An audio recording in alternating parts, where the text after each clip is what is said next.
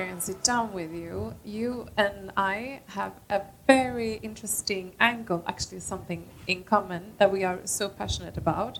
And it's like talking about things that people don't want to talk about in public.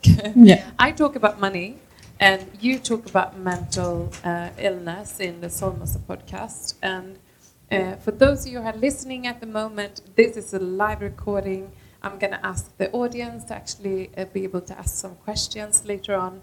And uh, we are at Nordnet in central Helsinki for an evening together with uh, a full room and uh, actually bringing those important topics together. So, for those of you who are listening to this podcast for the very first time, my name is Michaela Berglund and I'm the CEO of Feminvest. And I'm sitting down with a duo that are attracting thousands of listeners through their podcast that is focusing on mental illness. And so many are actually finding comfort in this podcast that you produce together. First of all, I want to know how did it all start, uh, Ella? Well, that's like a common question we get a lot. Like every time we already have like a story we could like tell Yeah. like, together. But yeah, uh, we started like about three years ago, I guess. And the main reason because why we started was like we were frustrated because we didn't hear anyone talk about anything ever. That's like how we felt. Uh, we were like wanting to talk about mental health and uh, taboos and stuff people don't talk about in Finland, especially in Finland, uh, because I feel like Finland is very non-spoken country, if you could say that. Like people don't talk about things. You just smile and Yeah, nod. we Yeah. just smile through hard stuff and like yeah. So that's like how we started.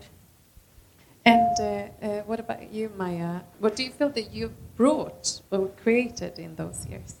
I think we provided a lot of like peer support. Yeah. That's like the main thing that we want to like give others, like talk about things that people don't want to talk about and have like no filter and just speak about everything. Yeah. So talking about like talking about everything, have you spoken about money? Yeah. yeah, have- Yeah, Because actually. I don't I don't understand the pot. yeah, that's true. Obviously, uh, we I think we have made like two episodes about money, or Yeah. one at least. Yeah, Can you just uh, like summarize like what did you talk about in that? re- we talk about like our relationship to money and like about where we get money, about our companies and yeah, everything. Just yeah. And uh, what would you say? Like what is your relationship with money?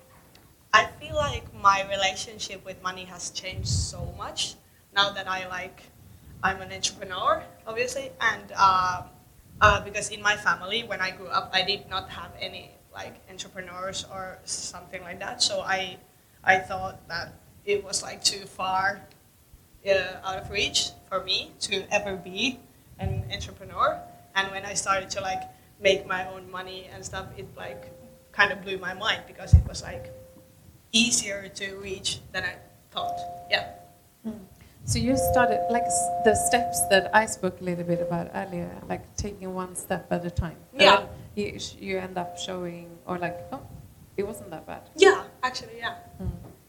Uh, what about you? What's your relationship with money? Well, on the contrary, my father is an entrepreneur, and I have been an entrepreneur since I was 14. So I started young, and I think it's more like um, I took it for granted that, like, yeah, everyone is like an entrepreneur or something like that. so yeah.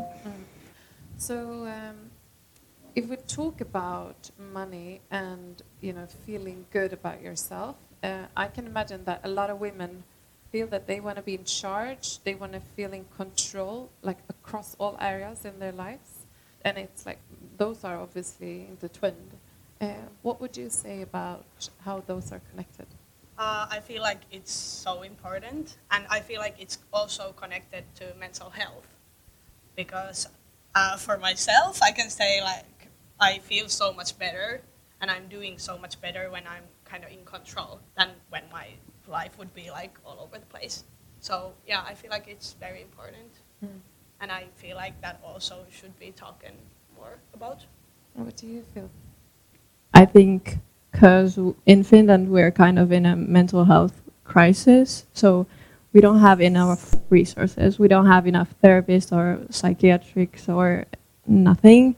So it's like if you have money, you have access to like private healthcare and you can like pay for the therapists and doctors and everything. But if you don't have money, you don't have access to all that, and it takes a lot of time to get the help you need. So yeah. Sure. I think this is so important because, like, you are building tomorrow's uh, companies. You are the tomorrow's investors, and it's so important that we understand what does the young generation worry about when it comes to money, work, etc. But also health, Yeah. and whether it's mental or physical. So, what would you say? Like, what young people worrying about today? Body image. Yeah. Yeah. image, yeah. A lot. Yeah, and and social media giving like all this pressure and like also pressure to like succeed in life or make a lot of money or do well. And I find it so. I've, I've been watching uh, this documentary in Sweden about uh, one of the most successful female young entrepreneurs called Bianca. And even though she is, you know, a lot of young people are looking at her as like she is so, she's been doing so well. She is still fighting with herself at the top from everyone else's perspective. Like, am I good enough? And for one sentence or one can actually tear her down. What do you do? You think that that is like common ground, or what many of the young people feel? Yeah, yeah, I think so. Yeah. Yeah, for sure. Yeah, and because I feel like with social media, even though social media has it like has its perks and good stuff also, but it brings us so much pressure. yeah, because you can compare yourself to a lot of people. Yeah, and so easily. Hmm. So what can one do? What tools do you feel that you have? We actually just recorded and posted today an episode about like self love and like accepting yourself and all that. And we had a good lot of good tips. Yeah. So Go and listen to the podcast. yeah, yeah, and also you could for yourself you could like, for example, follow only people that make you feel good, or don't watch anything that makes you feel bad, and stuff like that. yeah, like follow accounts that make you feel good about yourself. We love to share like good accounts to follow and Yeah, and also like in terms of money, because I feel that if you just see the success from Yeah. someone, and you don't see the loneliness, the fear, the late nights, like the headaches when you've been working super intensely, Mm. you want to go on the highway and like s- just get the the good stuff at the end. Uh, but how? What about in, in terms of money? Like, how do you feel that one can get started with um, thinking and learning about how to use money? Because that's the most important thing. Yeah, we've been talking about that too. Yeah. because like we both feel, and I bet many other people feel so too, uh, that we don't know how to use money. If you don't have parents who teach you how to use money, you don't know because we don't have anything that teaches us. Mm-hmm. So I feel like, well, I don't know what I can do about it, but I feel like in schools you should have like a course that teaches you Yeah, how to use sure. money because like how could you know if you've never been taught to? Mm. Yeah. Yeah, because I have learned a lot from my parents, and if I didn't have my parents, I don't know what I would know. Yeah. So, from a business and investing perspective, as we are focusing on that in the Feminvest community, like what would be your investment goals and your uh, entrepreneur goals? And this is a question to both of you. Okay, that's a good question. Actually, one of my like dreams, if I could say, is to be like I would invest in like apartments, property investment. So that's kind of my goal. Yeah, that's a, that is good now when the valuations are coming down Yeah. I hope they are. Better be. Which is also like an important thing, like how to ensure that young people actually get in on the property market. We'll Yeah. say that for the next episode. yeah, for sure. Yeah. and your business. Well, I would love to like make my businesses bigger and like because I kind of started my businesses on an accident because I had to because like my social medias and stuff were like making money, so I had to make a business. So I would like to learn and kind of figure out how to make it more businessy, if you could say. Yeah. Yeah. Earn more money. Yeah. yeah. uh, that's great. I actually love. Thank you for sharing that. And what about you, Maya? Um, I would love to like grow our podcast more to a like a community, Yeah. and I just love being an entrepreneur, and I have always loved it, and because I can like be um be my own boss and do the things that I love. Like that's important to me to do something that I love. So I would like to in the future do things that I love. Freedom. Yeah. Uh, I've got one more question, and uh, it's uh, in regards to like founding companies. Uh, like you had your dad, you did it by accident, and uh, like what would you think needs to happen to get more women to start companies to a greater extent, uh, to start invest more, save more, etc., etc. Be confident with money, Spread more knowledge about it. Yeah. Like knowledge. yeah. yeah and not make it so hard because it's not so hard like i don't know i feel like in many places where you hear about talking talk about money and investing and stuff it sounds so hard but it's not so hard and also the fact that some people were saying earlier that you don't have to invest big chunks of money you can also do like a little bit Start small. start Mm. small Yeah. And you know what I think? Also, we should share the failures or like the hard times. Yeah. Like for example, my colleagues see me when I'm, uh, you know, when I'm super tired or when I've, you know, been through like tough times at with the kids or you know s- surrounding uh, the life surrounding the work in a way. And um, it's not that often that we share that, but it's so much easier to actually share. It's like me talking about like what happened in, in 2007, 2008. Like I bought at the uh, top and I sold at the bottom. It's easy to say today, but like what mistakes am I doing now? And kind of embracing it and sharing it, uh, and to feel that it's trusted with the audience because you have a great audience as well that are you know following what you do. Do you feel that they you have that trust to actually share that? Yeah, for sure. Yeah, I feel like every time we talk about something that feels kind of scary to share, or like, oh, is this like too much or something, we always get like positive feedback and like, thanks for sharing. It feels so good. So yeah, I feel like that. Yeah. Yeah. Thank you for the important work that you do, and uh, in and listen to the latest episode of Solmussa podcast, so you can actually hear all those uh, great advice about self-love. And the Feminvest podcast is also back in a couple of weeks' time. We come out with a new episode every other week, and it started with uh, uh, this uh, conversation about showing and sharing knowledge, uh, like you said, but also sharing role models like how many women there are out there that are investing in unlisted companies, in the stock market, and also every episode we want to highlight a female uh, founder and the journey they are on. So thank you for listening, and thank you everyone here as well.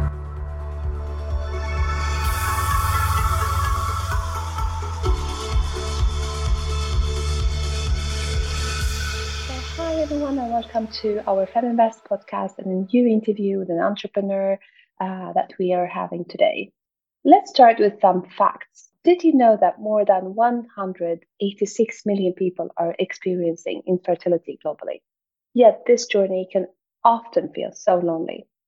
One in six people experience infertility. That's a lot. And one out of four pregnancies ends up in miscarriage. And that's information that World Health Organization shared with us. So, in today's episode, we're diving into the inspiring journey of Andrea Olsson, the co founder of Bumpy, which is a digital platform that wants to create a community for people experiencing infertility around the world. Welcome to this podcast, Andrea. Also, welcome to talk and highlight this important subject that we're talking about today. Hello, hello. So let's start with you. Who are you? Share some of your background and your story with, with our listeners today. Yeah, absolutely. Uh, my name's Andrea. I'm uh, half South African, half Austrian. So I was born in South Africa, grew up in Austria, then moved to Australia when I was 18. lived there for 11 years and moved to Sweden about seven years ago. Professionally, my background is from the graphic design, art direction, and branding world. So, back in Australia, when I started my career, I worked at different brand agencies. Um, and after I moved to Sweden, I have been uh, working at the Baby Shop Group um, for the most part. I've also done a lot of freelance work on the side. Um, and then personally, I have been going through a lot of infertility struggles. Interesting. So that's what sparked the creation of Bumpy, or how was your personal experience shaping this mission of Bumpy?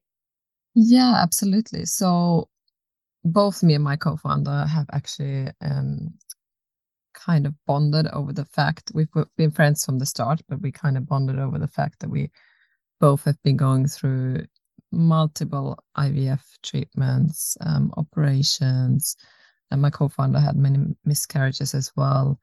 Um, and I was kind of confronted with infertility at a really, really young age. So I was actually born without a functioning uterus. And about three years ago, in 2020, I was one of the first in the world to have a uterus transplanted, actually, in order to fulfill my dream. Uh, unfortunately, that didn't work out for me either. Um, and when I recovered from this, it was a very uh, like difficult uh, journey medically. Uh, me and my co-founder were like, okay, this is enough. Like, there's so many people going through these issues, but we just don't openly talk about it, and there's such a big taboo and stigma around it and there's so many problems within this space that are not being solved not being solved by the healthcare not being solved by anyone because we haven't talked about it for so many years and it's kind of been brushed under the carpet and also it's been seen for a long time as like a female issue which it's not in 50% of the cases um, the of infertility is actually on the male side and also sperm quality has gone down by 50% over the last 40 years so that's also something we really want to lift that this is not a female issue. It's an issue that affects everyone. But unfortunately, as females, we have to go through the physical burden of yeah doing the IVF treatment, going through miscarriages, etc. So yeah, that's something we definitely want to highlight, and we're like super passionate about this. And the, the problem that we specifically want to solve, uh, you mentioned in the beginning the community, but that's just part of it uh, and it's really important and, and a lot of people get a lot of support in our community however what we with bumpy really want to solve is we want to help people find choose and compare clinics across europe so we want to make yeah. it easier for them to find a clinic and make that choice i feel so humble when i hear your story. It's really it takes a lot of courage to talk about it since it's been such a subject that we often keep in shadows and uh, we don't really want to talk in open and supportive space about it. Although so many of us are facing fertility challenges how was creating this digital platform actually performed? And how did you and Elin encounter this phase of creating this kind of platform so um, well, we started pretty much with the idea that we wanted to just connect people that are going through the same problems or just find people that understand because people that have not gone through infertility or have not experienced a miscarriage it's really really hard for them. Even if they want to support it's really hard for them to do it because they just don't get it um, unfortunately so we we started initially just wanting to create like a space where we can connect people and we wanted to lift this away from facebook and other platforms. And then my my co-founder she has been working nine years at spotify obviously a tech startup and me also being the space before of, of course e-commerce but still a startup. We decided that we wanted to create a company from this and yeah so the the first thing well there's many things we did at the beginning, but since we both don't have the technical background, um, so I'm more on the brand marketing design side, and and Elin is more on the economical side and the finance part. So we needed to find someone who could build our product, and we're very lucky because we we found our um, developer online. Actually, uh, his name is Adara, and he's been with us since the very beginning. So he's built together with us the product and we've been very fortunate to have him on board because as it is in the startup world, you have to constant, especially with the tech product, you constantly have to evolve, pivot, develop new things, fix bugs. So we're really, really grateful um, to have had him on the journey from the beginning. So you had this challenge of finding somebody, and you actually managed to find this person on on the first place. That's amazing. But I mean, starting any venture is not without its challenges. So Andrea, if you want to share with us some obstacles when establishing Bumpy, the strategies that you employ to overcome them, uh, to provide insights to uh, to actually create resilience and helping other on their entrepreneurial journey. When you look back in the mirror, what are the most the most difficult challenges that you had to deal with during the time you started?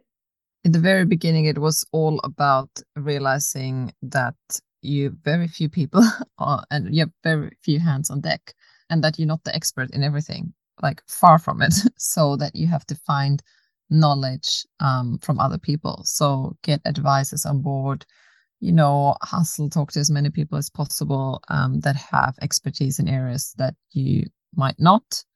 Um, so it's just like taking a ton of meeting in the beginning to just get more knowledge and insights on how to do this right we also joined like a couple of accelerators um, to help us with that. And then yeah the, really talked about the the technical part but also for us we really thought it was important for our app to have medical content that's vetted by real like proper experts in this field. So we kind of formed like a medical advisory board as well which was really important for us even though we're not a medical product but we have a lot of information in our product that is medically related um, when it comes to fertility and IVF treatments, etc. So we wanted to make sure we have that advisory board that can really like guide us in our product, but mainly also the content that we put forward. So that's really important. Like one, yeah, getting knowledge from others. And then, of course, one big challenge we face, especially now, is like fundraising. Um, of course, we know that in Sweden, especially, and in Scandinavia, the numbers are shocking uh, in terms of the money going to a sole female founded team. Uh, so that Definitely. has been a, a, big challenge for us. But yeah, there's there's like a million challenges from like uh, pivoting to yeah changing strategies to like trying to do the best you can with a very limited budget, um, thinking outside the box. I mean, I feel like this challenges, daily challenges, and what I didn't realize before because I'm a first time founder. So is my co-founder is that this journey is kind of just like the fertility journey, but it's very up and down. It's like you can feel on top of the world, and then in the next moment, in the same day, even you can be like plummet down. It's yeah. very like emotional the startup journey, like such big highs and such lows. It's yeah, I didn't realize yeah. that. Uh, Amazing, and so many entrepreneurs like, describing it the exact same way, which is uh, which is amazing. But you still find the joy in doing this every day, and and keep like keep the resilience and working out things uh, even through tough times. Uh, and that's that's great way of tackling your day, of course. But I mean, the challenge itself with the mission that Bumpy is working towards, which is breaking the taboo around infertility and the crucial role in normalizing these conversations. How does the platform contribute to this stigmatization of infertility and what impact does it have on its users? I mean, so far you have had how many how many users in the or downloads in the in the platform? Uh, we've had more than 3,000 mm. um, and we've done literally minimal marketing um, due to budget constraints. We're going to focus on that more going forward. Um, so it's been mainly word of mouth, and uh, the clinics have been recommending us as well. But to answer your question, I mean, for our users, this is the most rewarding thing for us, and it really drives us because they feel so supported to have Bumpy, which is really what drives us for us. And of course, our own genuine need and like passion for this subject, since we both have gone through many, many, many years of infertility ourselves and are still in the midst of it myself. So it's passion that really drives us to get through challenges, to move forward, and also like getting the feedback from users that they are supported and they are helped is really important to us. of course, in terms of the stigma, I think we have already come a long way. You know, there is some influences as well, starting to talk about like celebrities are opening up about their journeys, which is really important because they have huge platforms to reach a lot of people. We still hear from our users, "Oh, I haven't told anyone about this, etc. It feels better to speak to a stranger, etc." And I think it will take time to to break those uh, stigmas down. I do feel like, for example, like employers could have a big impact in this as well, like making this a conversation piece. We, of course, try with our social channels as well. Um, I think it's just about educating and talking about the subject. And of course, it wasn't easy in the beginning either, but me and Eden are very open about our own journeys. Um, and we hope we can, you know, inspire others to to feel okay to talk about it. But it's also important to understand that yes, the stigma should be removed, but it's also okay if you don't feel okay to talk about it. I mean, you on this journey, it's so tough. You really should do what's best for you and not what other people expect you to do.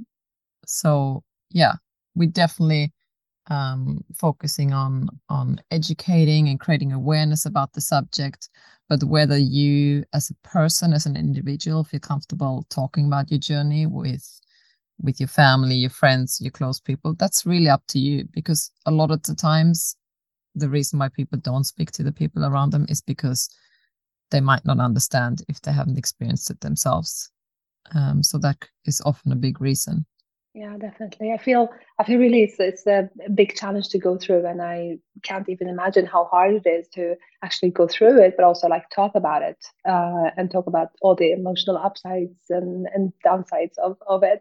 Of course, I can imagine that you need some kind of support in in some way, either it's family or or relatives, or either it's it's a community that you can feel that you can talk freely and so this is a really important subject to actually highlight and talk about um, and try to remove this kind of um, stigmatization around it. Uh, but I really feel humble towards the challenge that you're facing doing the entrepreneurial journey and your own journey at the same time. It's amazing because it must take a lot of your energy to go through both some at the same time. Uh, but that's part of the joy, I guess, to do this. Yeah, right? I mean, I, yeah. I, I, if I'm completely honest, it, it is, it can be quite tough for me sometimes reading all the other journeys in, in our community, etc. And I'm super happy whenever someone feels supported and and succeeded. But of course, everyone has their own trigger points. Um, so I just am mindful of myself there as as well, and how I can deal best with with these things. But I mean, what we have, what I really want to highlight as well in our app, the community is just one part. What we really see such an important thing is that in our app, you can actually review clinics, whether that's your gynecologist or your IVF clinic, because we really want to add the human aspect to this when you make your choice as well. So, of course, you can look up, um, you know, success rates of clinics, etc. We're all about like people helping other people. So if you leave a review for your gynecologist where you did your maybe fertility evaluation or the IVF clinic where you did your treatment, this will help someone else who's like trying to figure out what to do next. Okay, which clinic shall I choose? We see this question pop up a lot. Um, so we really encourage people to actually go into our app if they have done a treatment wherever and um, leave a review like an honest one that will help others uh, navigate their journey. So that's really like an important feature um, of our app. So really want to highlight as well, like the community is one aspect, but what we're really doing is we want to um, help people find their clinics. And we also have a lot of like informational guides. For example, if I'm a woman, I'm 40 plus, I'm uh, single, this is the path I can go down. So that's kind of where what we're really working towards is help people find the right clinic for them on based on their personal needs. Yeah make informed decisions of course. Exactly. And, and also like i mean lucky enough in sweden you if you have uh, a medical issue and you've tried for more than a year and you've done your evaluation you can get uh, three rounds of fertility treatment for free or per se paid by the government Um, however, you you still have to make the choice. So then you get a list of clinics, and you still have to decide which clinic do I want to choose, where do I want to go, and then also like a big thing is like fertility tourism is becoming huge. A lot of people um, travel to do IVF treatments, for example, abroad. I don't know if many people know this, but if you already have a child and you have a problem having a second or, or third, so we call that secondary infertility, then you have yeah. to pay out of pocket regardless. Um, and a lot of people also don't succeed within three tries. It's also really important to manage expectations because a lot of people think, okay, I go and do IVF and that will, I'll do one treatment and I, I will have a baby. And that's not reality. I think managing expectations when you're going through treatment is really important as well because it can take many, many tries before you succeed. But going back to like the the traveling part, like the reason and factors why people actually go abroad to do fertility treatments as well is one cost. If you're paying out of pocket, like it's generally cheaper. Mm-hmm. If you go, um, especially to Southern Europe, sometimes they often have uh, higher success rates. Um, of course, positive reviews from people play a big role. Um, if you're looking at egg donation, um, there's access to a larger number of egg donors abroad, um, often shorter waiting lists and then also some treatments you can't do in Sweden, for example, or you can do it if you have a if you if you need to test the embryos. Let's say you're suffering from multi, multiple um, pregnancy loss, you are not allowed to do that in Sweden. Only if you have a genetic disease due to like ethical issues. So whereas in other countries, for example, testing embryos, like doing this PGD testing, is that's standard um, that you would do. So yeah, many reasons why people go go abroad as well and then it becomes even much more difficult to to make that choice because where do you even start um, so we with bumpy have clinics from across europe that you can um, compare.